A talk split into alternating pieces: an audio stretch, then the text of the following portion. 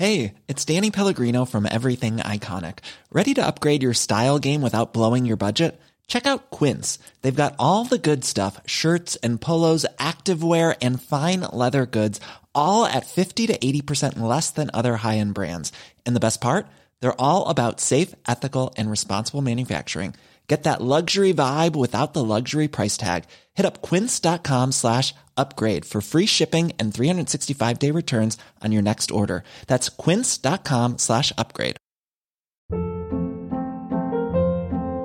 Hold up. What was that? Boring. No flavor. That was as bad as those leftovers you ate all week. Kiki Palmer here, and it's time to say hello to something fresh and guilt-free. Hello Fresh. Jazz up dinner with pecan-crusted chicken or garlic butter shrimp scampi. Now that's music to my mouth. Hello Fresh. Let's get this dinner party started. Discover all the delicious possibilities at hellofresh.com. Hallå! Simon Gärdenfors heter jag och snart börjar min podcast Arkivsamtal. Nästa vecka så ger jag mig ut på vägarna igen tillsammans med de otroligt skojiga komikerna Anton Magnusson och Albin Olsson. Vi uppträder först i Göteborg den 10 augusti på Henriksberg. Sen kör vi vår show The Äta Bajs Tour i Trollhättan den 11, Örebro den 12 och Uppsala den 13. Det är en väldigt skojig show som fått bra kritik i bland annat Smålandsposten. Eh, men som eh, av vissa känsliga tittare har uppfattats som stötande. Djurkväll har den bland annat kallats. Veckan efter det här så uppträdde jag som standup-komiker på Malmöfestivalen. Alla gig som jag har bokat in hittar ni på gardenfors.blogspot.com. Följ mig även på sociala medier. Där heter jag atgardenfors på till exempel Instagram. Men nu kommer Arkivsamtal. Som den här veckan klipps av mig, Simon Gärdenfors. Mycket nöje.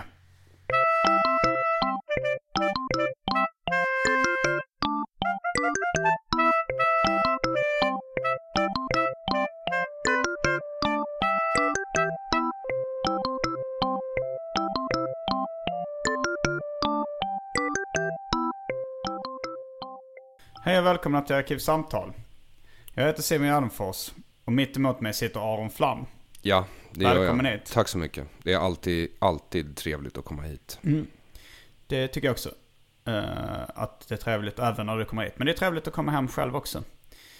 Uh, jag, innan vi satte igång så vill jag ta ett foto av dig. Mm.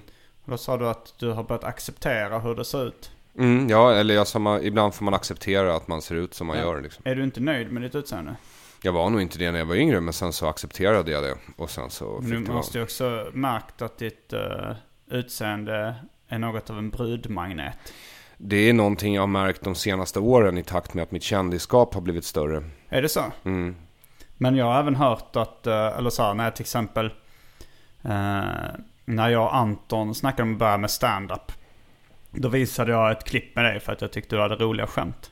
Och då var hans första reaktion innan han hört något skämt var, ah, snygg. Han ser riktigt bra ut den här killen. Ja, det ser man. Det, det, där ser man. Eh, Men, men nej, jag, jag reflekterade nog inte så mycket över mitt utseende när jag var yngre. Eh, och eh, så här i vuxen ålder så har jag väl börjat misstänka att folk tyckte jag var söt även som liten. Men eftersom jag hade vad man kallar för en obehaglig personlighet eller var lite weird.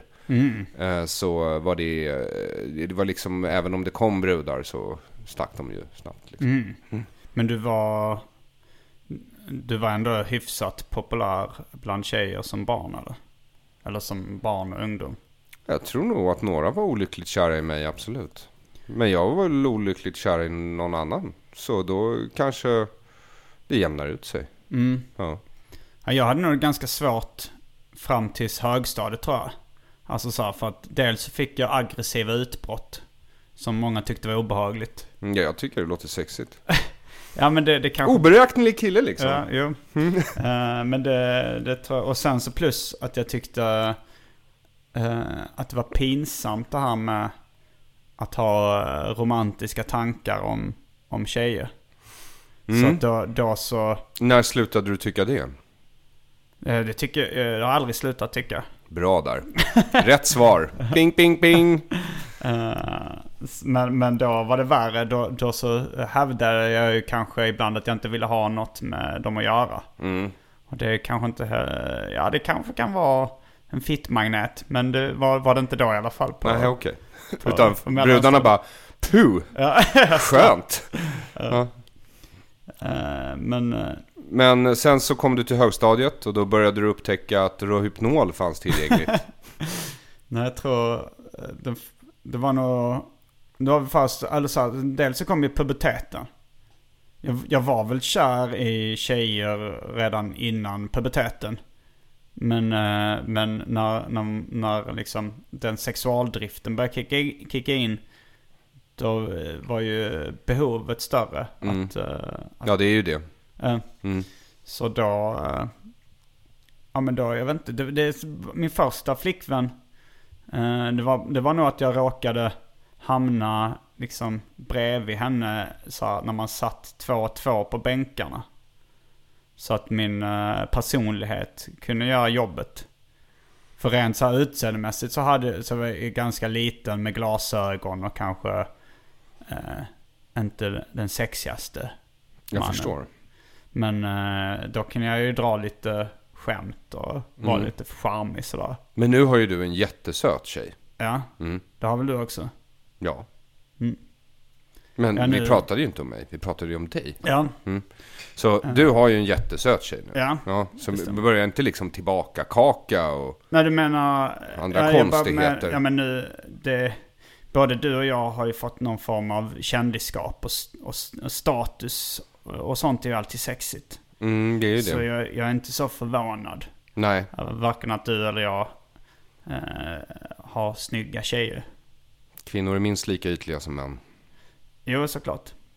Jag inte, jag... För jag tänkte på det som Ja. du sa om att din strategi var att du sa till tjejer jag vill inte ha tjejer. För att du det var inte min tjejer. strategi. För det var, det var nog mer att jag tyckte det var så pinsamt. Alltså, jag levde kvar i det här med tjejbaciller-tänkandet. Alltså jag använde kanske inte uttrycket tjejbaciller. Men det var så, äh, du vet när man är liten så är det många killar som är så, äh, äckligt med tjejer. Jag vill inte leka med tjejer. De är löjliga, de är larviga. Mm. Och jag var väldigt omogen som barn. Och ganska Till skillnad sen- från nu. Eh, nej. En vuxen man med keps som bor på Södermalm och samlar serietidningar. Ja, nej, jag har aldrig sagt att jag är mogen. Nej, bra. Eh, men jag, jag var är- är redan då omogen för min ålder. Alltså redan som barn. Mhm. Så att jag levde kvar nog i det här liksom, sluta retas. Du vet, man håller en hand ovanför någons huvud och räknar 1, 2, 3, 4, 5, 6, 7. Och sen så när man säger stopp så är det så många tjejer man har och det är en negativ sak. Mm. Eh, det tänkandet levde kvar lite längre hos mig än för mina jämnåriga. Jag förstår inte riktigt varför det går över. Därför att tjejer har ju precis som killar basiller. Och det, Mm. får man basiller från en tjej, då är det ju tekniskt sett basiller från en tjej. Alltså Mm. Tjejbaciller. korrekt. Och, ja. Ja, så någonting att tänka på.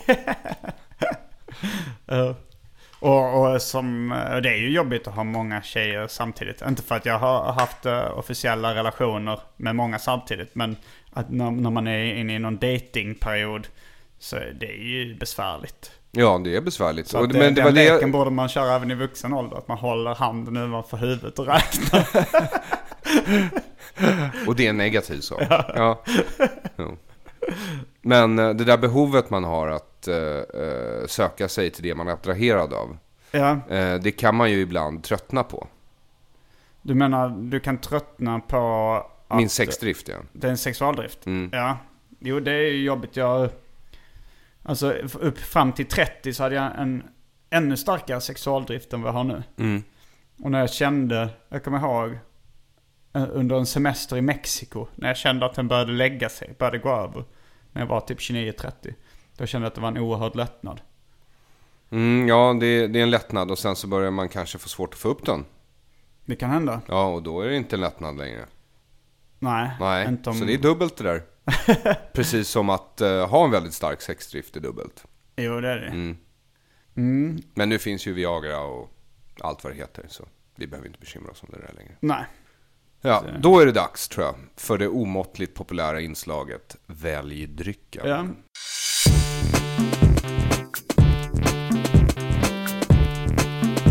börja med det fasta inslaget. Välj drycken! Jag var lite eh, stressad. Eller så här, inte stressad, men jag hade planerat lite dåligt tidsmässigt kan man säga. Så jag... Dels så hade jag en djupfryst färdigrätt som just var klar i mikrovågsugnen. Som jag inte har hunnit äta ännu.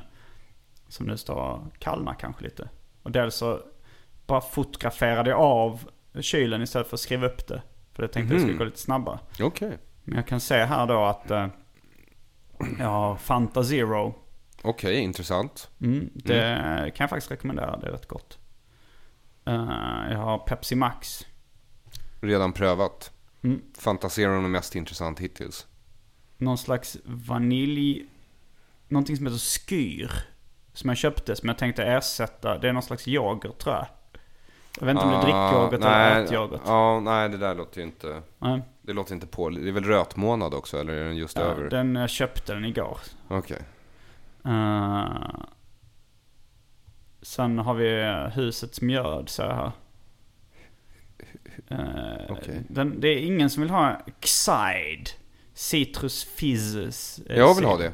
4,5 procent. Ja, men jag vill ha det. Jag har ingen um, citronjuice längre. Men man kan få Malibu och uh, Passoir separat. Man kan få en uh, Hawaii Club. Där man, jag vet inte om det är citronen som är gay i Hawaii Gay Club. Det är nog snart tvärtom. Att det är en Hawaii Gay. Bara. Men ingen club? Nej. Hmm. Eh, det har vi.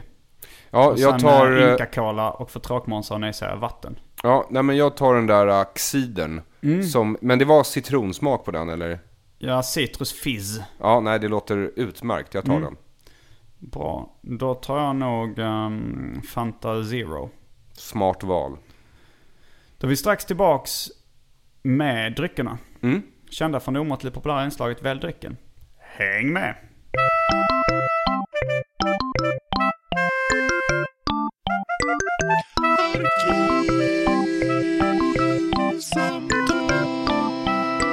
Nu är vi tillbaks med dryckerna och Aron var väldigt ivrig så han hann. Jag har tagit två klunkar. Du har tagit två klunkar. Eh, jag har ätit en eh, pasta, en lasagne. Lax. Laxlasagne. Mm. Eh, och Den doftar vämjelse. det De- betyder äckligt eller? Ja. Vämjeligt. Ja, men de, de doftar liksom... Inte skarpt, men lite så här dovt kräk. Jag kände det redan i trappuppgången. Jag äter dem ju själv. Det är liksom ingen kritik sådär. Men de gör det. Det är liksom... eh, Det, det doftar lite ruttet om de där eh, lasagnerna man gör i sin mikro. Jo, det kände lite ålderdomshemskänsla. Mm. Mm. Jag besökte ganska nyligen min uh, mormor som är 95 på ett ålderdomshem i Malmö. Mhm. Eh, Är hon stolt över dig? Eh, hade hon kommit ihåg vem jag var? Jo men det, det kanske hon är. Alltså, vi, jag tror vi nämnde nyss i podden att uh, tjejer är minst lika ytliga som killar. Mm. Det gäller ju även uh, morföräldrar. Hon, hon ringde någon gång när jag hade blivit intervjuad i gratistidningen Metro. Mm. Som hon då plockade upp på gatan. Så ringde hon och sa Simon, du är berömd! Ja, dans. det tyckte hon om. Ja, det gillade hon. Mm. Så då kunde man höra en viss stolthet. Nice. Men eh, nu är hon 95. Då kände hon med nöd och näppe igen mig. Hon blev glad när min mamma informerade om att eh, jag var där. Men, eh, men sen så, Men hon kommer ihåg dig som ett litet barn liksom. jag vet inte. Det var, eh, hon sa, för min eh, morbror Robert från Israel var också på besök. Han flyttade till Israel när han var runt 20 tror jag. Eh, Men han var på besök för att, förmodligen då för att min mamma har varnat om att min mormor inte har så lång tid kvar. En sak som hon har varnat om nu i över 20 år. Eh, Men eh, det är väl inte så orimligt. Redan vid 75 kan man väl börja anta att någon håller på att sjunga på sista versen. ja det kan man ju. Sen är ju frågan om man... eh, Sen att mormor vägrar inse det och lever i två decennier till. eh, även när min, Hon kanske väntar på barnbarnsbarn Simon. Det har redan fixats. Inte du då? Nej men min brorsa och min syrra har fört arvet vidare. Mhm. Jag såg en, någon, eh, någon som hade med sig sitt barn på en stand-up show.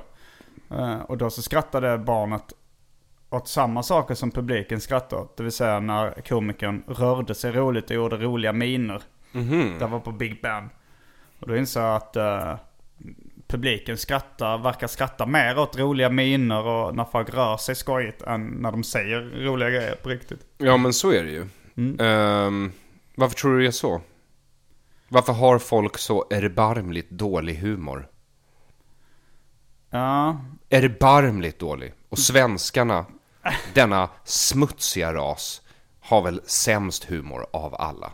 Det är kanske bara för att man känner, alltså jag har, man känner svenskarna bäst.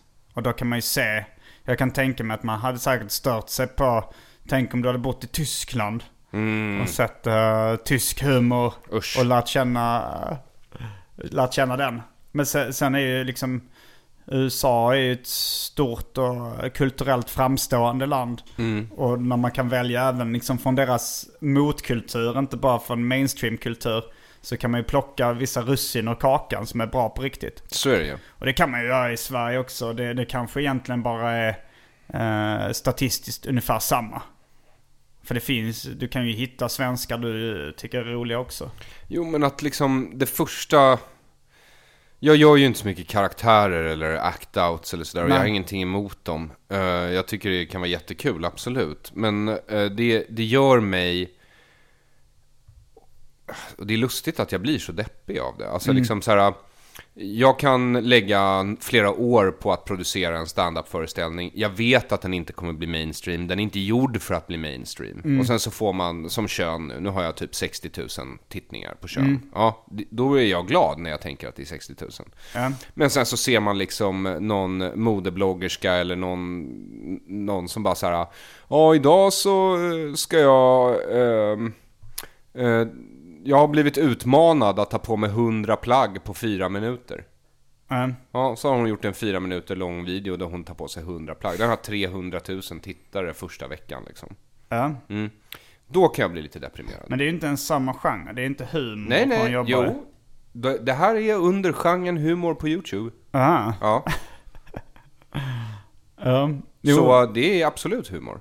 Och sen, eh, jag hörde inte hela, men jag hörde att de här I just wanna be cool killarna, de, de är tydligen, eh, de sommarpratade. Eh, och eh, då fick jag reda på att eh, de började med det här när de gick på KTH. Ja, en av dem i alla fall.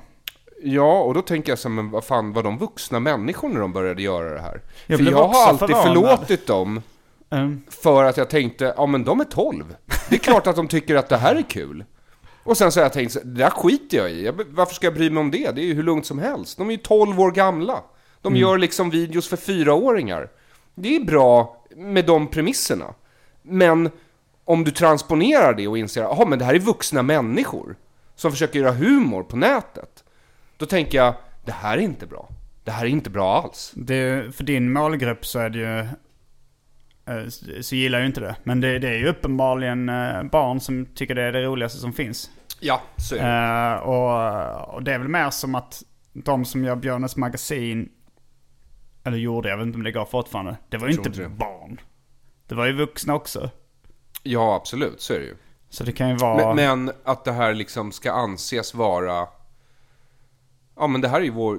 De är ju bland de största i Sverige nu, är de inte?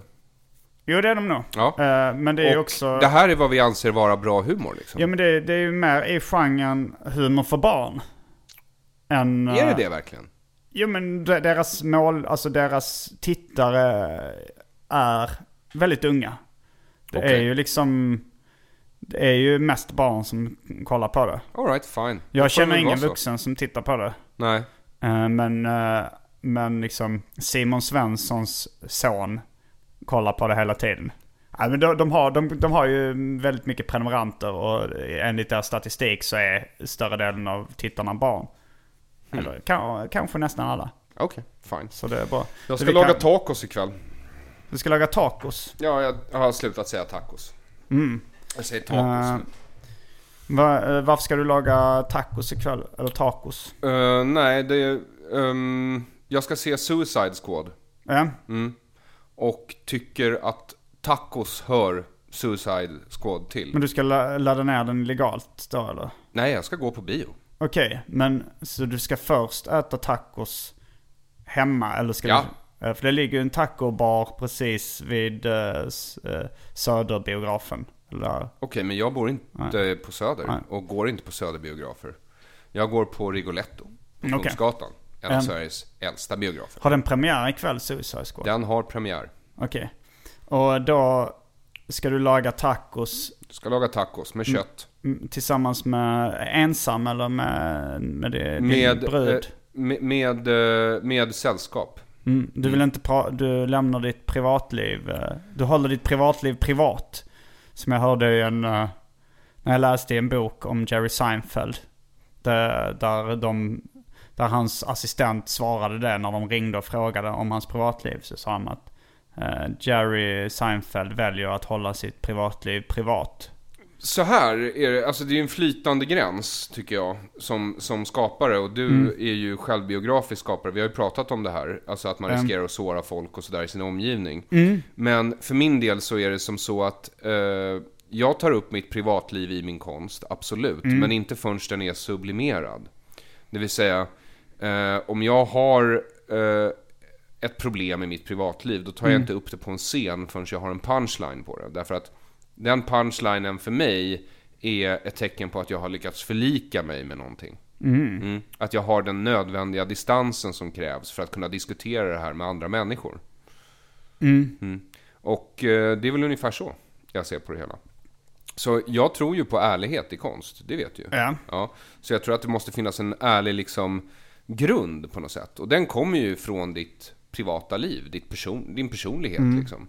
Men sen så ska ju den tvingas in i någon form. Eller, eh, ja, presenteras för en allmänhet. Och då tycker jag att det måste finnas en poäng med det. Alltså i just humor så är ju punchline är ju poängen. Ja. Mm. Men det kan finnas en sensmoral om du tecknar ett seriealbum om hur du liksom knullar igenom hela Sverige till exempel. Eller det, eh, s- tycker du att eh, det bör finnas en sensmoral i alla konstnärliga verk? Nej, men, men jag tror att när man är klar med ett konstnärligt verk så kommer det att uppstå. Ja det gör det kanske vare sig man vill det eller inte. Lite så, alltså du behöver inte skriva ut. Och, så, och med det här menar jag det här. Och då lärde jag mig Nej. det här och det här. Men jag tror ofta också att eh, skaparen eller konstnären inte riktigt är medveten om eh, om de, den eventuellt vill ha sagt någonting. Eller vad det eventuellt skulle kunna vara man vill ha sagt. Nej, det Alltså, behöver det inte vara. Man har väl, man kan ju ha, man kan ju tycka det är bara, eh, alltså det finns ju dels ren underhållning. Mm. Som, och sen finns det ju att jag kanske vill berätta någonting om mitt liv. För att jag känner ett behov av att berätta det, eller en vilja att berätta det. Ja. Och då är det inte säkert att jag tänker, jag vill berätta det här för att få fram de här tankarna och sånt. Utan det är bara ren berättarglädje eller ren, ren tvång. Inre och yttre tvång. Ja, absolut. Och jag, och jag förstår det och respekterar det och tycker det är okej. Men så fort du har eh, tecknat ner det här problemet eller gjort Mm. en film av det eller skrivit en bok om det eller så eh, kommer du ju ha förändrat det. Därför att mediumet förändrar det. Förändrat den historien och den berättelsen. och upplevelsen. Den upplevelsen. Ja. Mm. Eh, och det är ju en sublimering. Ja. Sen så kan du också välja när du är klar med verket. Ska jag publicera det här eller inte publicera det här? Mm. Det är liksom sista grinden. Eh, ja, och där får du göra ett val beroende på hur mycket du älskar dina nära och kära eller vad det nu är du Ja. har eh, bestämt dig för att prata om. Ja, det, och sen jag kommer på nu också när man, även folk som bara så har den här eh, viljan att berätta om sitt liv. Det brukar ofta vara, alltså om man ser på vissa, eh, så märker man att det finns återkommande tema som de hela tiden återkommer till. Vissa kanske berättar hela tiden om någon förälder eller någon, eh, någon hela tiden berättar om eh, sin sexualdrift eller någonting. Eh, och då, de, de kanske inte själva är medvetna om då att det är det här som jag tycker är intressant. Utan bara så här, nu ska jag skriva en, bok om eh, en jätte som bor i ett berg av spenat.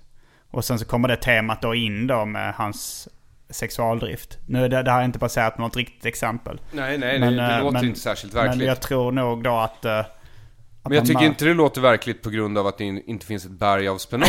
Utan Ett litet berg kanske. Jo men även så, utan alltså jag tänker bara på hur du och jag är i förhållande till vårt skapande. Vi reflekterar ju kring vårt skapande också. Det är Ja. inte bara själva skapandet, utan det finns ju någonting som vi brukar kalla för processen. Någonting som du, jag och Albin faktiskt diskuter diskuterade nu i senaste TS Knas, som Petter sen slarvade bort filen till. Mm. Ehm, då diskuterade vi sållning. Ja, hur man sållar en process. För Ja, det- det eller som Albin gör, inte sållar alls. Ja, det var hans låt The Door Song som, eh, som du frågade hur, hur, hur tänkte du när du spelade in den här? Nej men alltså nej, för det, frågan är, jag frågar hur tänkte du när du publicerade den här? Mm. För att han spelar in den, fine. Att han kommer på den, fine. Men sen så släpper han den också. alltså man måste ju få experimentera, eller hur? Ja, såklart. Men någonstans på vägen måste man ju ändå ta ett steg tillbaks när man är så nära klar man kan komma och säga så här: Jaha, det var det här det blev. Det blev en sång om att jag öppnar dörren. Ja. Ska jag publicera det här? Albin tänkte jag. Vad Ja. tänker du? Eh, jag tänkte, visst att han publicerade den på Facebook. Men sen eh, att han och Anton vill köra den varje gång vi kör uh, föreställning med Äta Bajs Tour. Det har jag vänt mig emot. Men de lyssnar inte på det örat. Eller så lyssnar de, tycker att det är urkul Ja, och spelar den bara för att du blir irriterad. Ja, det är det kanske. Eh, men, men men jag kan också tycka det är rätt kul med en sån här process. Där folk bara i stort sett publicerar allting nästan. Alltså så det är ju, vi, är mer, vi är ju lite inblandade det eftersom båda två med- medverkar i minst en podcast i veckan. Ja. Så att liksom alla tankar och massa sånt här publiceras ju. Som inte är så jävla genomarbetat. Och Absolut man bara inte. kör. Och jag kan ändå uppskatta till exempel rappare som Lil Wayne eller, eller liksom eh, Gucci Mane och sånt där som, som, ja de måste ju publicera allting för eftersom de gör två låtar i veckan liksom. Eller tre ibland. Mm. Och, och då, så, då, då får man ju se, sen så ibland så på ren statistik så får de en hit. Mm. Att någonting som låter jättebra liksom. Men, eh, men att de bara kör ut allting. Jag, jag, jag kan se en poäng både i det, eh, både i det och liksom konstnärer som har vett att hålla käften ibland. Och bara publicera det allra bästa. Mm. Eh, Jag är lite kluven till hur jag själv ska göra där. Ja, och varför är du det? Eh, Använder du Snapchat till exempel? Ja, lite sporadiskt. Mm. Jag tycker det är okej, för det är inte ett evigt medium. Nej. Förstår du vad jag menar? Då kan man publicera, därför att det är ändå bara eh, någonting dagsfärskt som i så fall håller dig i dina användares medvetanden. Men jag tycker att det är synd att det ska behöva vara så. Jag saknar lite att gå och vänta på min fa- favoritförfattares nästa verk eller Det kan du ju fortfarande göra. Ja men det kan jag, men nu, alltså om du ser liksom... Eh, jag menar, jag är ju en social media-hora precis som du. Mm. Eh, och jag gillar det inte. Jag har inte gillat det från början. Alltså min dröm om att vara kreatör, att skapa saker. Det är ju att få vara i fred väldigt mycket och presentera någonting när jag är klar med det. Någonting som jag är nöjd med eller som jag tycker är tillräckligt bra. Ehm, och sociala medier motverkar ju det. Det blir liksom som en rörelse mot det. Där ska man ju bara publicera så mycket som möjligt. Ja. Ja. Eh, och det tycker jag är rätt kass faktiskt. ja, jag har ju upplevt den sidan också när jag har jobbat i jättemånga år med en bok och inte visat knappt någonting för någon. Och sen kommer det. Och då, då har jag lite saknat det här liksom. Då, då börjar börjar jag känna mig rätt isolerad efter ett tag. Att man inte får någon respons. Man börjar bli mer och mer bortglömd kanske. Och så, ja men det, jag, kan, jag kan jämföra det med hur jag är eh, i relationer eh, till andra människor. Att det är så att om jag, om jag umgås med någon jättemycket, så, eller bara är bland folk, så längtar jag väldigt mycket efter att vara ensam.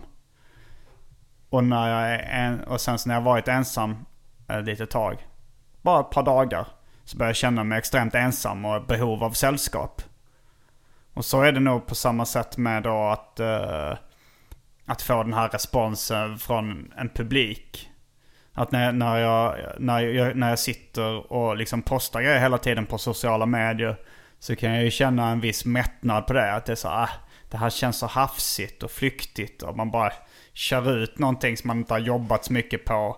Och så hade det varit skönt att, att sitta i två år och, och göra en roman och inte publicera den någonstans. Och sen så får man... Och sen är det ändå fler som har sett din senaste dumfylle-tweet än folk som faktiskt läser det där verket. Jo, det, det är ju någonting som jag eh, har, har väl accepterat men inte förlåtit. Att det är fler som lyssnar på en slapp podcast än som läser en genomarbetad bok. Ja, nej men eh, det där, eh, det där är liksom en ständig källa till både ångest och depression hos mig tror jag. Eh, därför att jag vill ju göra beständiga ting. Eller Ja. ting som är mer beständiga än mitt liv. Men inget känns så flyktigt som en podd eller en statusuppdatering eller en bild på Insta. Alltså det, det känns... Man. Ja. Men därför känns det, tycker jag det känns rätt bra att ha publicerat en, fem, sex böcker liksom. Att de står där i hyllan och det, det är det som nästan känns mest beständigt. Mycket mer än en, en skiva till exempel. För att jag tänker att om man hittar en CD på en loppis om, om, eh, om 30 år. Då kommer ingen kunna lyssna på den. För de Nej. har inte en CD-spelare. Och samma sak med vad fan som helst. En USB-sticka eller Eh, filmer kanske får lite liv ibland ifall de då lyckas hamna på Netflix eller Mm. YouTube eller något sånt där. Fast det, det krävs ju att någon måste eh, ta upp dem där. Men en bok, den kan bara, man behöver ingen spelare utan du bara kan ta upp den direkt och, och titta på den. Ja, Och finns det bilder till och med så är det ju i viss mån oberoende av språket. Att, du ska, att någon kines skulle kunna hitta min bok på en loppis och, och uppskatta bilderna i den. Det känns också rätt bra. ja. Nej, men det, är- det är där man skulle vilja vara. Och jag känner inte att jag riktigt är där. Och jag känner också... Jag inser nödvändigheten i att sprida sig på sociala medier. Därför att det har ju lönat sig för mig. Det är ju det som gör att jag kan göra det jag vill göra. Eh, Men någonstans, och jag känner det ibland när jag tittar på våra kollegor, så har de gl- glömt bort vad de ville göra och sen är de bara fast i att göra just den där sociala medieuppdateringen hela tiden. eh, Hey, I'm Ryan Reynolds. At Mint Mobile, we like to do the opposite of what Big Wireless does. They charge you a lot, we charge you a little. So naturally, when they announced they'd be raising their prices due to inflation, we decided to deflate our prices due to not hating you. That's right. We're cutting the price of Mint Unlimited from $30 a month to just $15 a month. Give it a try at mintmobile.com slash switch. $45 upfront for three months plus taxes and fees. Promo rate for new customers for limited time. Unlimited more than 40 gigabytes per month. Slows. Full terms at mintmobile.com. Hold up. What was that? Boring. No flavor. That was as bad as those leftovers you ate all week. Kiki Palmer here, and it's time to say hello to something fresh and guilt-free. Hello Fresh. Jazz up dinner with pecan-crusted chicken or garlic butter shrimp scampi. Now that's music to my mouth. Hello Fresh. Let's get this dinner party started. Discover all the delicious possibilities at hellofresh.com. A lot can happen in three years, like a chatbot may be your new best friend. But what won't change? Needing health insurance. United Healthcare Tri Term Medical Plans, underwritten by Golden Rule Insurance Company, offer flexible, budget friendly coverage that lasts nearly three years in some states. Learn more at uh1.com. Ja men just nu så känner jag väl att eh, det stora verket jag håller på med är liksom specials på, i stand-up.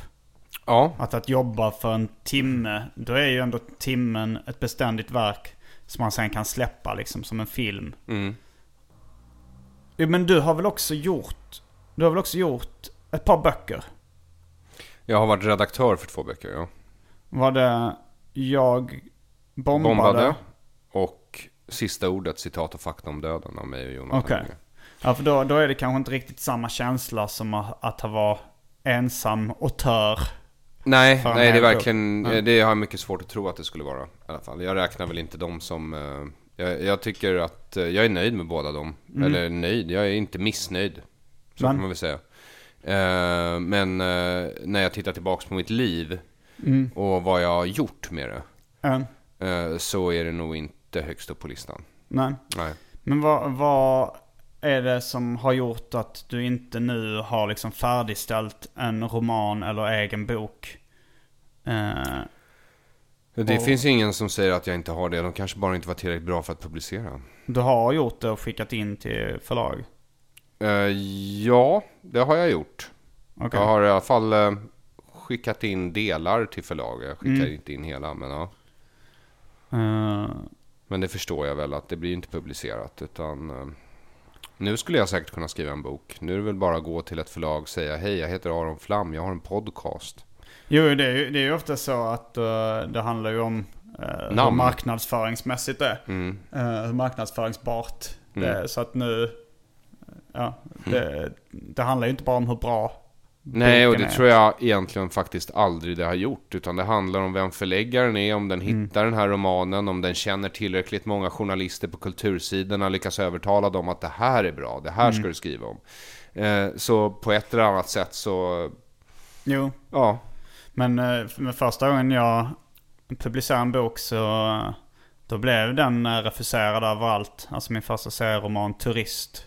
Mhm. Och sen, eh, men sen så gav jag ut den i stort sett själv. Det var, det var en kompis som hade ett då enmansförlag. Så att eh, jag tänkte att jag tar väl lite hjälp av, av honom då liksom. Att det var ett registrerat förlag hos eh, bokhandlare och bibliotek. Och, alltså det fanns vissa sådana praktiska detaljer. Så jag övertalade honom så här, kan inte eh, du ge ut den här om, och jag finansierar det? Jag, behöver, jag hade skapat typ 20 000 till att trycka liksom pocketupplagan. Och, eh, och så gjorde jag allting själv. Och sen eh, så sålde den några tusen. Eh, eller tusen ex kanske försvann hyfsat snabbt. Och då var det ju lättare för ett förlag att eh, plocka upp min nästa bok. När de såg att den första hade gått bra. Eh, och sen så hade det väl liksom fått lite uppmärksamhet och sådär. Men, men det är ju, det är ju ofta, det är ofta så folk gör, liksom självpublicering först på något sätt. Det, ju, det kan man ju säga att du har gjort då i poddformat och, och YouTube-format. Där du publicerat dina eh, Ja, också. absolut. Det, Att fans har fått ut ditt namn genom att publicera sig själv. Det är ju ofta, det är väldigt sällan man får hjälp från, från någon. Ja, nej, man får inte hjälp från någon, men ibland blir man ju upptäckt eller hittad eller passar in med de som sitter på tillräckligt mycket maktmedel för att liksom ta in en. Jo. Jag nämner inga namn, så har vi inga namn nämnda, men Ronny Sandahl är definitivt en av dem. Eh, kommer du ihåg Ronny? Eh, vi som inte sa hora. Eller Ja, vad? vi, som aldrig, sa aldrig sa hora, men antagligen tänkte det hela tiden. Eh, ja, men där har du liksom, det, det är Jag har inte här- läst den boken men... men Nej, men, men vad jag menar är att mycket, speciellt tycker jag i det här landet, men det kanske är för att jag bor här som Mm. du påpekar, att liksom mycket publiceras ju framför allt här då av politiska skäl. Eh, och att många får chansen därför Mm. Eller att de är nyttiga idioter. Och det kanske alltid har varit så, det kanske är så överallt. att de är nyttiga idioter. Ja, de tjänar någon, någon annans syften. Ja. Genom sina inäna tankar. Eh, också... och det kanske alltid är så överallt. Men eh, nu finns ju internet. Nu är det ju möjligt att publicera sig själv. Och då tänkte jag, fuck it, då börjar jag med det. Mm. Och skriver jag en roman någon gång, ja då kanske jag publicerar den bara som nätbok. Ja. Mm. Eller trycker upp ett gäng eh, för de som vill ha det på papper. Nej, jag tror faktiskt inte det. Mm. Därför att eh, jag ser inte längre någon anledning att göra det. Det skulle ju vara som en giveaway då. Vem köper en pappersbok? Jag har Kindle. Jag, alltså, jag har läst en pappersbok i år. Mm, vilken var det? Eh, jag tror att den hette The Atrocity Archives av någon som kan ha hetat Karl Schloss. Mm. Uh, jag föredrar nog fortfarande att läsa pappersböcker. Ja, utan tvekan. Men, eh, och det gör jag också. Mm. Men det är så jävla mycket snabbare att ladda ner dem. Ja. Ja, eh, så då gör jag det istället för att gå till boklådan liksom. När jag var eh, på bokhandeln senast, då blir det så att jag plockar på mig en 6-7 böcker. För jag tänkte, hur ofta är man här liksom? Ja. Jag gör det ofta när jag är på så Barnes Noble eller någonting i USA så köper jag en 6-7 böcker. Och sen så sen väljer jag de som är roligast när jag kommer hem. Mm, jag var ju i USA alldeles nyss och då undvek jag att gå in på eh, Barnes Nobles för att jag visste att eh, det här kommer inte jag få plats med. Ja, i väskan. Ja, Sist jag var inne på Barnes Nobles i LA tror jag, då gick jag därifrån 1700 kronor fattigare. Mm, det har han också gjort fast jag tror 2 5 var det vid något tillfälle. Wow. Jag ska bara stänga fönstret, det, blev lite, det var lite bilar. Det är jättevarmt här inne Simon. Ja det är varmt men uh, ljudet måste hamna i första rummet just Ja. nu. Okej. Mm. Nej, och det där med att man ska känna sig ensam efter några dagar när man inte får någon respons. Ja. Det en av de saker som gör oss till vuxna, det är ju att vi klarar av att skjuta upp belöning. Mm. Och det är det det handlar om, för bekräftelsen är ju en kreatörsbelöning. Mm. Så om du lyckas skriva en roman, det tar några år, ingen kommer ihåg vem du är, och så kommer den romanen, och sen så läser ingen den. Då får du din belöning. Som är ingenting. Ja, men så är mycket av livet. Um, ja, det finns ju en viss arbetsglädje under tiden också. Det kan ju vara kul att, att sitta och göra grejer. Sitta och teckna eller skriva eller Ja, eh, och sådär. Men det är ju det är ofta också så här drömmen om bekräftelse som är det roliga då. Om, det är en stor del av varför man skapar, är det inte? Jo, absolut. Jo. Eh, men har du, sitt, skri, jobbar du på någon roman fortfarande? Jag har för mig vi har snackat tidigare att du har gjort det. Mm, nej, jag gör inte det just nu. Just nu så jobbar jag på en annan bok som inte är en roman. Som är mer essäer. Eh, så får vi se om den blir klar. Och när den blir klar så får vi se om den är tillräckligt bra. För eh, jag, jag har fortfarande ångest för alla poddar och sådär. Och jag kan gå ifrån TS Knas-inspelningar med dålig eh, smak i munnen. Eh, men de känns inte så beständiga för mig. Nej. Nej. Eh, Kön och en svenskfientlig afton känns mer beständiga. Eh, Ja. det är alltså dina specials. Och, ja, och till och med dekonstruktiv kritik som jag har gjort känns de flesta avsnitten mer beständiga. Mm. Att de liksom håller ja, för några år framöver i alla fall. Och eh, det är det jag är ute efter i mitt skapande. Att det inte bara håller just nu. Som Mm. en tweet om dagsläget liksom. Utan Ja. att det finns någonting mer beständigt. Jag vill ju bygga monument. Mm. Ja. Och sen har jag ju kommit på i vuxen ålder att vill man bygga monument, vet du vad man ska bli då? Nej. Monumentbyggare Simon. Man ska bli en sån som bygger monument. Vadå rent uh, Ja, fysiskt? fysiskt. fysiskt. Någon diktator någonstans bara, jag behöver bygga ett monument. Han ringer dig. Jag är monumentbyggare, åker dit, bygger monument, känner, ah, jag har byggt ett monument, åker till nästa ställe, bygger ett till monument. Men, eh, men när du, när du kör, ja, gjort någonting som du känner är lite mer beständigt, som till exempel har släppt eh, en special. Mm. Eh, känner du dig tillfreds då? Alltså känner du att det Nej, här nästan var... aldrig.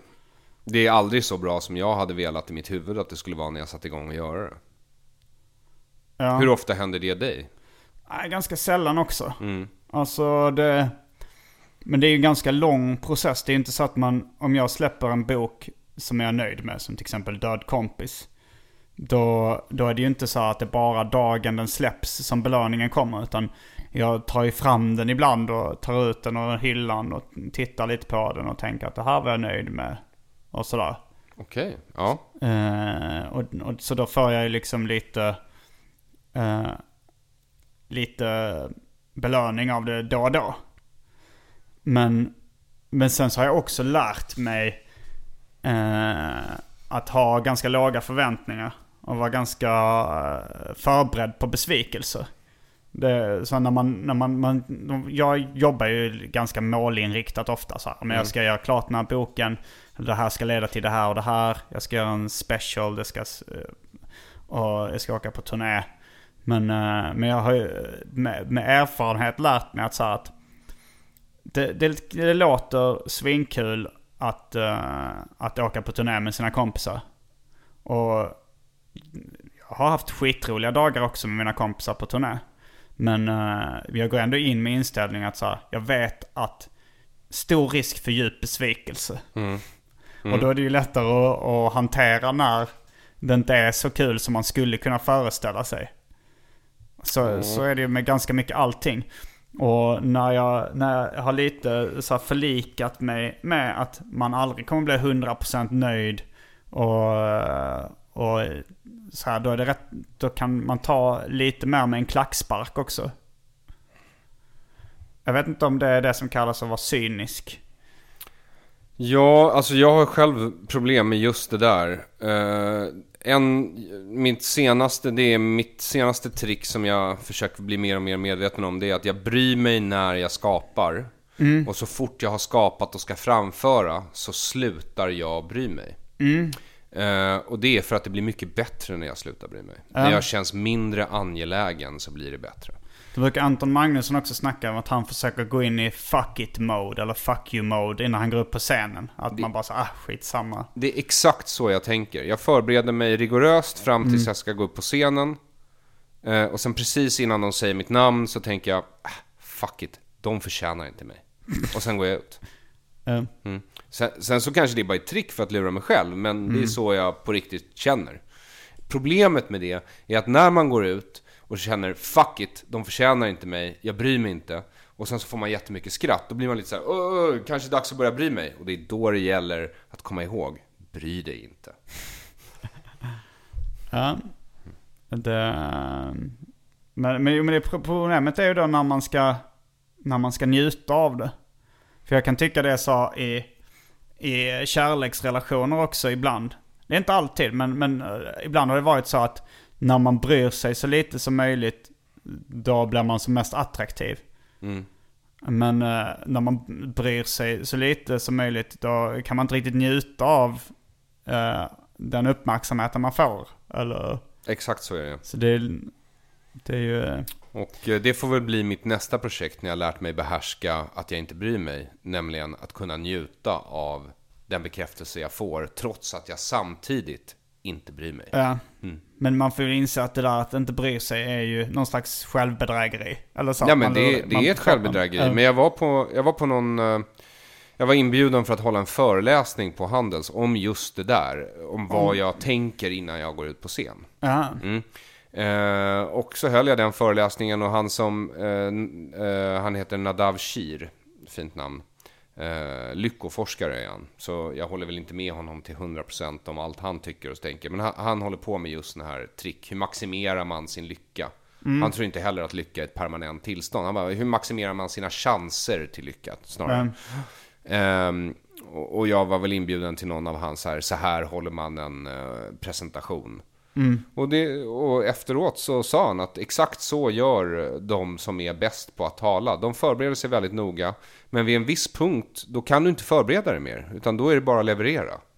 Eh, och då är det faktiskt ett bra trick att tänka, nej, jag skiter i det här, nu går jag bara kör. Och sen så kör man. Det är då man maximerar sina chanser till att vara så bra som möjligt helt enkelt. Ja, det. Så Anton Magnusson har nog läst rätt självhjälpsböcker, om jag säger så. Jo, men ofta är det ju så också när man, när man kommer fram till någonting eh, genom erfarenhet så visar det sig att ah, men det, det är så här man ska göra enligt instruktionsboken. Ja, Det är rätt vanligt. ja, det händer mig skrämmande ofta och sen så blir jag lite sur för att man inte var först med att komma på det. Ja. Har du läst, alltså jag, jag inte kanske, jag har läst ovanligt lite självhjälpsböcker. eh, men, eh, men jag har läst till exempel Made to Stick. Känner du till vilken bok det är? Nej. Ehm, det är en bok som handlar om uh, klistrighet. Alltså vad som gör eh, vad som gör att saker fastnar i folks minne till exempel. Okej. Eller som får folk att... eh, det, går ju, det går ju att applicera på det mesta liksom på hur, när man skapar underhållning eller gör reklam eller... Men lär mig, å mästare, för jag vet ju att du är något av en mästare helt enkelt på att Jag få har folk. förmodligen, eh, jag har förmodligen läst den boken för att jag är intresserad av uh, klistrighet. Och eh, jag har förmodligen blivit bra på det för att jag har velat bli bra på det och varit intresserad av det. Och inte dum i huvudet liksom. Eh, men, men den boken den är väldigt amerikansk. Uh, to Stick. Alltså de, de har liksom... eh, deras koncept är att de har delat upp det i, så här, i ordet success. Fast det kan vara stavat lite konstigt. Och jag kommer inte ihåg vad, eh, vad alla de box... Så liksom S står för en grej, U står för en grej, nästa. Men då är till exempel short är ju ändå ett ord. Och det är ju ganska, ett ganska uppenbar grej inom, inom all kommunikation. Att formulera det kort och koncist. Det, det är i och för sig många som missar det när man till exempel kör stand-up. Som Som då, om du har ett skämt, stryk så mycket ord som möjligt och försök eh, komma till poängen så snabbt som möjligt. Snälla, vem är det du pratar med här? Vem vi pratar?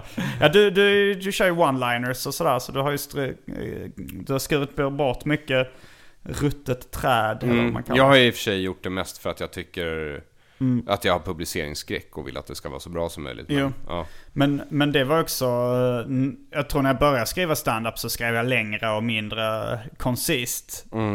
Men det är en sån grej. Och sen eh, eh, stories var väl en av punkterna som är liksom eh, att berätta en historia. Det är, om, då tar de upp till exempel en reklamkampanj för eh, Subway. Eh, där de Eh, det, det, tidigare kanske de hade sagt okej de här sex mackorna innehåller bara 6% eh, fett. Och eh, så tyckte de det är en dålig reklamkampanj. Men när de hade den här historien om Jared, den tjocka killen som eh, Blir smal. ja, blev smal. Men det var väl också något sånt där att han Hade aids. hade han, enligt eh, South Park. ja. Ja. Men, eh, men där var det liksom, de berättade en historia att han gick in där varje dag och köpte den och sen gick han ner och, och så, jag tror det var ledde till någonting att han kunde cykla igen eller något liknande. Eh, det tyckte de, ja men det är bra, det berättar en historia. Vi gör inte den här sex, six subs with six grams fat. Nej. Eh, så det är ju en, en av de bokstäverna eh, i success. Sen emotional, liksom att såklart ska man försöka spela på känslosträngarna. Ibland. Det kanske den gjorde lite. Man tyckte synd om den tjocke pojken Jared. Och det, det är ju en känsla. Ja, Man tycker inte synd om eh, de där sex mackorna som har sex gram fett. det gör man verkligen inte. Men, Jag blir inte- tänker till nästa special som jag gör, Mm. eller nästa föreställning, så tänker jag eh, sluta vara succinkt och försöka mig på anekdot. Sluta vara vad? Succinkt. Vad är point. succint? Kortfattad. Aha. Eh, jag hade tänkt att försöka göra längre saker. Mm, då har det blivit lite mer långrandig kanske än när du körde dina första one-liners set. Ja, jo, men nu försöker jag ju trycka in mening i allting hela tiden. Det gjorde jag i och för sig redan då. Det var bara Ja. det att jag tillät mig själv inte lika mycket och jag hade inte lika mycket sentid. Men, Nej. eh, nej men jag, kan, jag kan ändå rekommendera den boken Made to Stick. Det är ju ganska intressant. Även om jag tycker de missar en, eh, en av de grejerna som jag har eh, använt mig mycket av. Det är ju provokation. Det är ju en grej som får saker klistriga. Ja, men jag tror det var två kristna bröder som gjorde den här boken som kanske inte tycker att det är ett bra sätt att... nej, de var inte så nöjda med det. Nej. Nej, men du är väldigt bra på att provocera. ja, Ja, eh, det skulle jag också vilja vara. det är du väl också, fast kanske inte att du kan inte göra det lika mycket medvetet. Men eh, du har ju, har väl fått folk att bli upprörda och Ja, det är säkert, men jag får ju inga rubriker i tidningarna. Det är det vi pratar om här. Analfixerad jude. Ja, men det var ju jag som hade skrivit den pressreleasen. Ja, Ja. Eh, så det var väl inte så... Och där var- försökte jag det verkligen. Det var ju Det var någon- ingen som tog in den. Förutom någon uh, rasistisk uh, Ja, precis. Ja, Stormfront eller något liknande. Jag har bara läst en självhjälpsbok. Mm, Eh, som jag drog ner ur min mammas bokhylla någon gång när jag var sjuk som barn. Ja. Eh, den hette Försvara dig kvinna. och handlade om hur man fysiskt ska försvara sig Mm. vid överfall, rånförsök eller våldtäktsförsök. Har du haft någon användning för den? Eh, ja, jag har haft eh, lite användning för den faktiskt. Därför att eh, eh, den lärde mig ett trick. Att om man kupar händerna lite lätt så här och slår det över öronen på någon som tar dig i kragen. Om någon tar dig i kragen, då har de båda händerna upp, upptagna. Om du då liksom höjer händerna över huvudet som att jag tänker inte göra någonting. Så här bara, upp med händerna typ. Ja. Ja, och så kupar du händerna lätt och så, så bara klockar Mm. du dem över öronen på personen som har tagit dig i kragen. Då slås balanssinnet ut. På mindre än några sekunder. Det är skitkul att se. Har du använt den någon gång? En gång. Var blev du attackerad då? Eller? Ja. Och eh, den personen trillade baklänges? Den personen frös mitt i steget och trillade åt sidan i fryst form. Och hade sen ringande i vänster öra i cirka tre veckor. Va- varför blev du attackerad? Ehm, jag blev attackerad för att han var arg på mig. Vi behöver inte gå in på varför han var arg på mig. Okej, så jag kanske hade lurat honom att slå sig själv i huvudet hundra gånger. Har du inte hört det? Det, här, det, det är så här gammalt mynttrick. Nej. Det är så här dryckeslek typ. Man tar ett, en enkrona, Mm. och så andas man på den. Och sen klistrar man fast den i pannan. Mm. Då sitter den ju fast där liksom. Mm. Och sen så slår man sig själv i bakhuvudet tills den tra- trillar. Det brukar ta två, tre gånger. Mm, sen så trillar den ner. Ehm, och sen så säger man till alla runt bordet att vi får se vem som lyckas slå eh, eh, minst gånger för att få bort det. Okej. Och sen så trycker man fast det i pannan på alla, men du har valt ut en som är eh, lurad så att säga. Okej. Offer. Ja. Eh, och sen så gjorde man det på alla och sen när du gör det på, på offret, då trycker du fast det väldigt noga och sen så gömmer du det i handen. Då känns Ja, ja, det ja. som att det bara sitter kvar i pannan. Och sen satt han där och slog sig själv i bakhuvudet upprepade gånger, alltså till hundra gånger faktiskt, för vi Mm. räknade. Eh, tills han då upptäckte att han hade ingen mynt där och då blev han arg på mig. Och, och ja, det var... Ja, det var ju... Man har ju viss förståelse.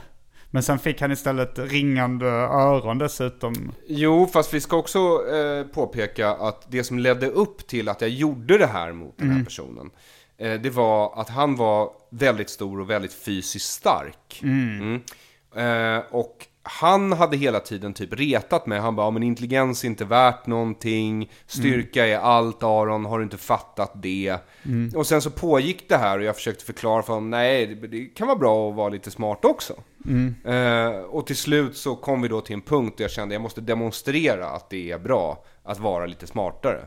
Och då gjorde jag det här mynttricket. Okej. Så det var inte helt oprovocerat så att säga. Nej. Nej. Det blev nästan som en fabel. Om ni hade varit djur. Ja, fast nu berättade jag den då baklänges. En, en sedelärande historia. Ja, en sensmoral har den här historien. Ja, det hade ni. Eh, Jävlas inte med mig i sensmoralen. Ja. Eh, jag, jag undrar faktiskt lite för att när jag har läst sådana här, alltså, kan, jag tror det är samma känsla. Jag har läst någon uh, så här Dalai Lamas lyckabok. Eh, Jag gillar avsnittet om hur mycket han hatar homosexuella. Fortsätt för all del. har du läst den också? Eh, Jag har faktiskt två ex hemma och jag orkade inte ta mig förbi första kapitlet. Eh, det var nog bara så att jag... Jag vet inte. Jag läste den boken i alla fall. Jag, ska inte, jag ska inte komma med några ursäkter till varför. Nej, Det var väl intressant. Här har vi någon som påstår att de kan hjälpa folk att bli lyckliga. Så okej, jag, ger, jag ger, kan låta någon ge, ge det ett försök. Men jag, jag känner, och även när jag läser en sån bok, Made to Stick, eller en bok om hur man gör stand-up, hur man blir en bättre stand-up-komiker eller sådär. Att jag lämnas ofta med en känsla av att eh, det här eh, kanske inte har hjälpt mig med de sakerna jag vill ha hjälp med någonting. Jag har, jag har fått en analytisk syn på det liksom. Men egentligen så, om man bara så försöker, så kanske man lyckas minst lika bra. Om du bara så här, nu ska jag försöka eh, bli en bra stand-up-komiker på det mest logiska sättet som finns. Gå upp på scenen, säga skämt, eh, ta bort de som får dålig reaktion, behålla de som har bra. Det, det är nog minst lika bra. Eller, alltså det, är- det är ju bättre än att läsa en bok om det. Men frågan är om man...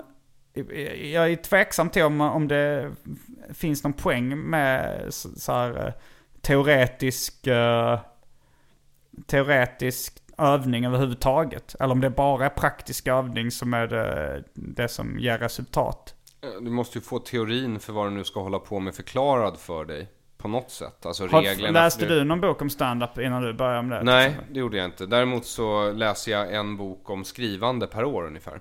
Mm. Eh, Därför att det är avdragsgillt eh, för vidareutbildning. Eh, Och den enda bra bok, den enda bok om skrivande jag kan rekommendera är Stephen Kings bok. Den har jag läst. Ja, och den, ju- den har ju ett väldigt enkelt råd. Skriv det? tu, 2000 ord om dagen. Okej, ja, men- That's it. Sen förklarar den lite eh, grammatik, men den bara, i slutändan så handlar det bara om hur mycket du skriver. Skriv, skriv, skriv, skriv. Ja, och läs var väl också en, en av hans tips. Ja, att man ska läsa mycket. Men det är samma sak. Men det är samma sak för oss. Vill, vill du bli bra på stand-up? Se jävligt mycket stand-up. Kör jävligt mycket stand-up.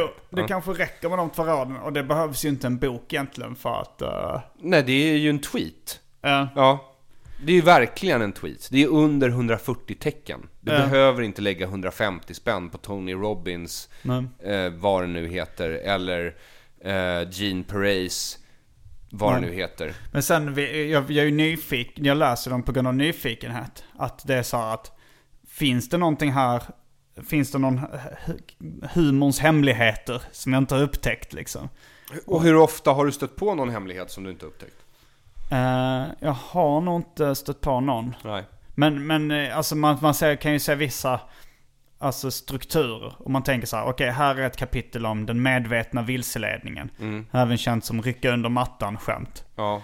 Eh, då, så, då så inser jag så här, okej, många av de här skämten jag har skrattat åt eller kanske sagt själv och uppskattat följer den här eh, strukturen, det här Jo. mönstret. Men grejen är att är du tillräckligt smart och ser tillräckligt mycket stand-up, då kommer du utveckla egna ord för just den här typen av skämtstruktur. Ja. Uh, ursäktanden är vad jag kallar dem för. Du vet så här, jag skulle aldrig gå på strippklubb. Men när jag gått på strippklubb, ja, så skulle jag ju aldrig betala för en lapdance. Men de gånger jag har betalat för en lapdance, ja, och sen så, alltså det är den typen, alltså de strukturerna, om du har lite talang för det här, då ser du ju dem. Om Jo, du ser tillräckligt mycket stand-up liksom. Ja. Eh, men, men samtidigt när jag då läste kapitlet om den medvetna vilseledningen så tänkte jag så här att eh, jag ska sk- försöka skriva ett sånt skämt själv. Och så gjorde jag det. Och det blev någonting jag fortfarande använder. Ja, och det att, kan vara eh, jättebra. Och i den här Gene Perret-boken som eh, jag har hemma och tar fram ibland. Eh, så finns det väldigt många, i alla fall mellan sidan typ 50 och 103. Där har de samlat alla skrivövningar. Sen peppen, du vet det här, åh du kan, de första 50 sidorna. Och nu är du redo att gå ut i världen, de sista 100 sidorna. De kan man skita i. Men skrivövningarna, ibland så tar jag upp dem om jag får liksom inte skrivkramp, men så här, vad ska jag skriva idag liksom? Och jag känner inte för att göra någon, hålla på med någon av de projekt som redan ligger på bordet, utan jag behöver liksom bara komma igång. Då kan jag öppna den och titta på den. Och där är ett av övningarna är, lista dina 50 bästa skämt. Alltså de, de, inte dina som är dina egna, utan de Dina som du favoriter. tycker är ro- Ja, dina favoritskämt. Gör en sån lista med 50, det tar jättelång tid att göra en sån lista Mm, det kan jag tänka mig. Mm. Och sen så försöker du skriva ett bättre skämt på samma tema för Mm. varje skämt du har listat. Det är en bra övning. Det låter Men- som en jättebra övning. Ja, men det är exakt samma övning som att titta på väldigt mycket stand-up och sen försöka gå upp och toppa det. Ja, därför att det är ju det du gör. Han har bara formulerat det åt dig. Och det kan vara värt något. Absolut värt något. Mm. Det är inte värdelöst om du har svårt att formulera dig. Men om du har svårt att formulera dig, då ska du inte hålla på med stand-up. Nej, det, det är ju onödigt. Meme. Meme är för folk. Det är att formulera sig med rörelse. Precis.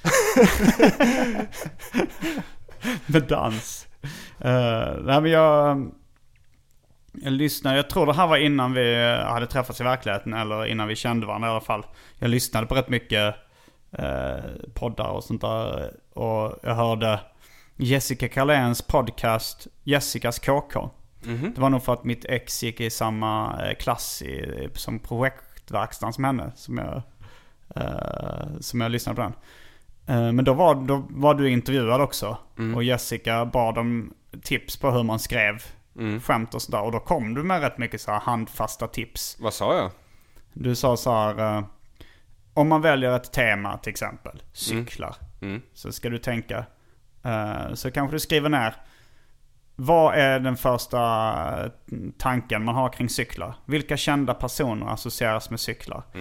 Och så vidare. Sorry, jag gör allt det här automatiskt. Men eh, ja, nej men så är det ju. Nej, men, om, och sen om man, kan, kan man ju då, då man likheter, motsa- det? Ja. motsatser, ja, mindmaps, vilka djur associerar du med det här temat? Kan Mm. du liksom, ja, sådana saker. Det, men det är ju lister man kan ha i huvudet om man vill. Och på den tiden Jessica intervjuade mig för den podden, Mm. då satt ju jag, då var mitt brödjobb bland annat att skriva skämt i Parlamentet. Mm. Och Parlamentet skrivningen, den, det, det var ju så att du fick ett manus 24 timmar innan.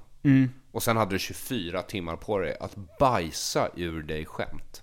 Ja. Eh, och då är det bra att ha sådana där listor så att du liksom, okej nu har jag den här tidningsartikeln, den ska jag skriva skämt om. Och så, då, då är det bra att bara följa den där punktlistan som jag brukade använda när jag skrev på det sättet. Därför att då missar du ingenting. Då har du liksom... Var det en punklista du har hittat på själv eller hade du fått den från någon? Jag hade plockat ihop den av två eller tre olika böcker och massa egna idéer typ. Och så hade jag bara liksom, jag hade den på mitt datorskrivbord. Eh, så om jag skulle fastna någon gång under de 24 timmarna så liksom bara tog jag upp den och bara, vad har jag missat? Och så bara, ah där, okej bra, och så kör vi det. Ja. Eh, men så jobbar jag inte så mycket längre. Nej. Tyvärr. Eh, förrän nu kommer jag kanske göra det här till nästa föreställning. Okej. För det har jag provföreställning på på Krogsta herrgård. Där du just uppträdde. Jag har uppträtt här faktiskt två gånger. Wow. En gång med så här, under en kväll som heter Nykläckt. Där man skulle, bara, man skulle skriva nytt material under ett par dagar och sen uppträda med det. Eh, det var, jag hade ju gamla skämt som jag aldrig hade testat. Som jag, några av dem slängde jag in. Som inte var skrivna på Krogsta herrgård. Men det kändes som ett okej fusk. Mm, jag ska nog ta och lyssna på den där Jessicas KK. Om, den, Se- om den finns kvar på nätet. Den att, gamla Arons Ja. tips t- Ja. till sig själv. Ja, nej men det kanske är en dum. Det kanske är en bra idé. Mm. Jag tror det är en bra idé. Jessicas KK ska jag lyssna på. Ja, Jag fick nämligen vykort från henne idag, så det är lite roligt att du tar upp henne. var är hon någonstans? I Sydafrika igen eller? Nej, nej, nej. Hon var i Kisa, där hon kommer ifrån. Aha. Någonstans i närheten av Linköping. Jag fick ett vykort. Det är Väldigt fint. excentriskt att skicka vykort inom Stockholm när man... Hon är väldigt excentrisk. Uh, Så det kan man göra. Men då eh, fick den här podden något av ett tema till slut. Ja, även om det blev självhjälp. det klassiska... Nej, självhjälp. Är skulle jag så? säga är det. Om, jag, om jag tar ett steg tillbaks och blickar på vad vi pratat om. Så är det självhjälp. Eh, Jag vill också rekommendera boken Försvara dig kvinna. Mm. Eh, Till er tjejer där ute som vill försvara er och till er killar som vill angripa tjejer så ni vet vad ni kommer möta där ute. Har du några tips eh, om du skulle skriva en, eh, en självhjälpsbok i hur man blir lycklig? Har du några så här övergripande kapitelrubriker? Mm. Träna, sova, arbeta, eh, relationer och äta regelbundet. Mm. Medicinering är inget du rekommenderar? Jag Alltså jag följer ingen av de här. Ah, okej. Eh, Men alltså, jag tror inte att lycka är ett permanent tillstånd. Jag tror lycka är små korta ögonblick som vi erfar då och då. Ja, Ja. jag... Fan jag hörde någon... Men sen alltså, så tror jag att man kan maximera sina, chans, alltså sina chanser att få uppleva den känslan. ja. Och det, de som forskar på det här brukar säga att det är regelbunden sömn, regelbunden mat, ett bra jobb som ger dig en känsla av mening, meningsfulla relationer. Sen har jag glömt vad det sista var. Anyway, det var dem. Har du någonsin medicinerat dig, ätit antidepressiva mediciner? Nej. Av någon speciell anledning? Ja, jag vill inte fucka med de mediciner jag tar på egen hand. Okej. Eh, jag tänkte på det när du började berätta om det här eh, att lycka, att det är bara små stunder. Så kommer jag ihåg innan jag blev speciellt intresserad av stand-up comedy. Så hörde jag bara på någon, det var någon kompis som spelade upp något klipp från någon dator eller om jag hade på radio. Ja, det var nog till och med en webbradio liksom. Och då var, jag vet inte vilken komiker det var, men han pratade just om det. Han var en ganska så här skrikig amerikan. Och sa att han skulle ha en, han skulle, han, han ville bli psykolog. Och hans inriktning skulle heta Shut the fuck up. Eh, och att det är så här, någon kommer in, oh, I'm unhappy, uh, shut the fuck up, happiness. Uh, så, här, så var det då att lycka är det här, med- kommer i små stunder. Om du går upp och äter en kaka mitt i natten och den kakan var god, då känner du en liten lycka. Men sen ska du inte eh, förvänta dig mer. Nej men om vi befann oss i ett permanent tillstånd av lycka, då skulle det inte finnas någonting att sträva mot eller efter. Ja, och då, det är väl, det är väl Det är- mer att då har evolutionen stannat av och så vidare. Ja, ja. Alltså det är ju nirvana du beskriver. Eh, vad beskrev jag? Alltså, eh, nej men ett permanent tillstånd av Ja. lycka, det är ju nirvana. Alltså inte bandet, utan eh, det buddhistiska, hinduiska eh, slutstationen för dina många liv, förhoppningsvis. Ja. Mm. Jo, jag läste faktiskt just eh, på lite på Wikipedia om buddhism. För jag skulle skriva ett skämt Mhm. om det. Mm. det. Ja, men det här med att... eh, att det finns ju en del i det buddhistiskt tänkande att man ska utplåna sin vilja. Att man ska ta bort alla begär. För det är grunden till lidandet. Ja. Men då försökte jag, det blev aldrig något lyckat skämt som jag kommer använda. Men det var någonting om att, att man då, man ville bli buddhist för att jag tyckte det var en vettig grej. Att utplåna all begär och vilja. Men, eh, Du är verkligen nihilist. men, men jag lyckades, eh, men då sa jag, men sen, jag lyckades så utplåna det begäret att bli buddhist. Ja, det är rätt kul. Jag hade något skämt i början, när de första månaderna av min karriär som var eh, Michel de Montaigne brukade säga att om vi gräver tillräckligt djupt i oss själva så hittar vi till slut något som vi alla delar. Eh, jag har grävt otroligt djupt i mig själv och det jag fann var ingenting. Mm. Sen kommer jag inte ihåg hur Buddha kom in, men Buddha har någonting med det skämtet att göra. Ah, ja, det finns på YouTube. Det är det gamla råklippet. Anton gjorde en busring när vi gjorde specialisterna busringen också. När han ringer till ett buddhistiskt samfund. Och säger så här, "Ah, jag funderade väldigt länge på att bli buddhist men jag sköt upp det liksom. Men så nu tänkte jag så här, "Nej, man lever bara en gång. Ja, det är ett klassiskt. Jag tror... Ja, Det det, kanske är jag, jag har hört några varianter på det kan jag säga. Mm. Ja, ja, men då så. Ska vi säga det samtidigt eller? Uh, Okej, ja, vi kan ju... Jag börjar ju ladda upp lite inför det. Det var allt från veckans avsnitt av Arkivsamtal. Jag heter Simon Gärdenfors. Jag heter Aron Flam. Fullbordat samtal.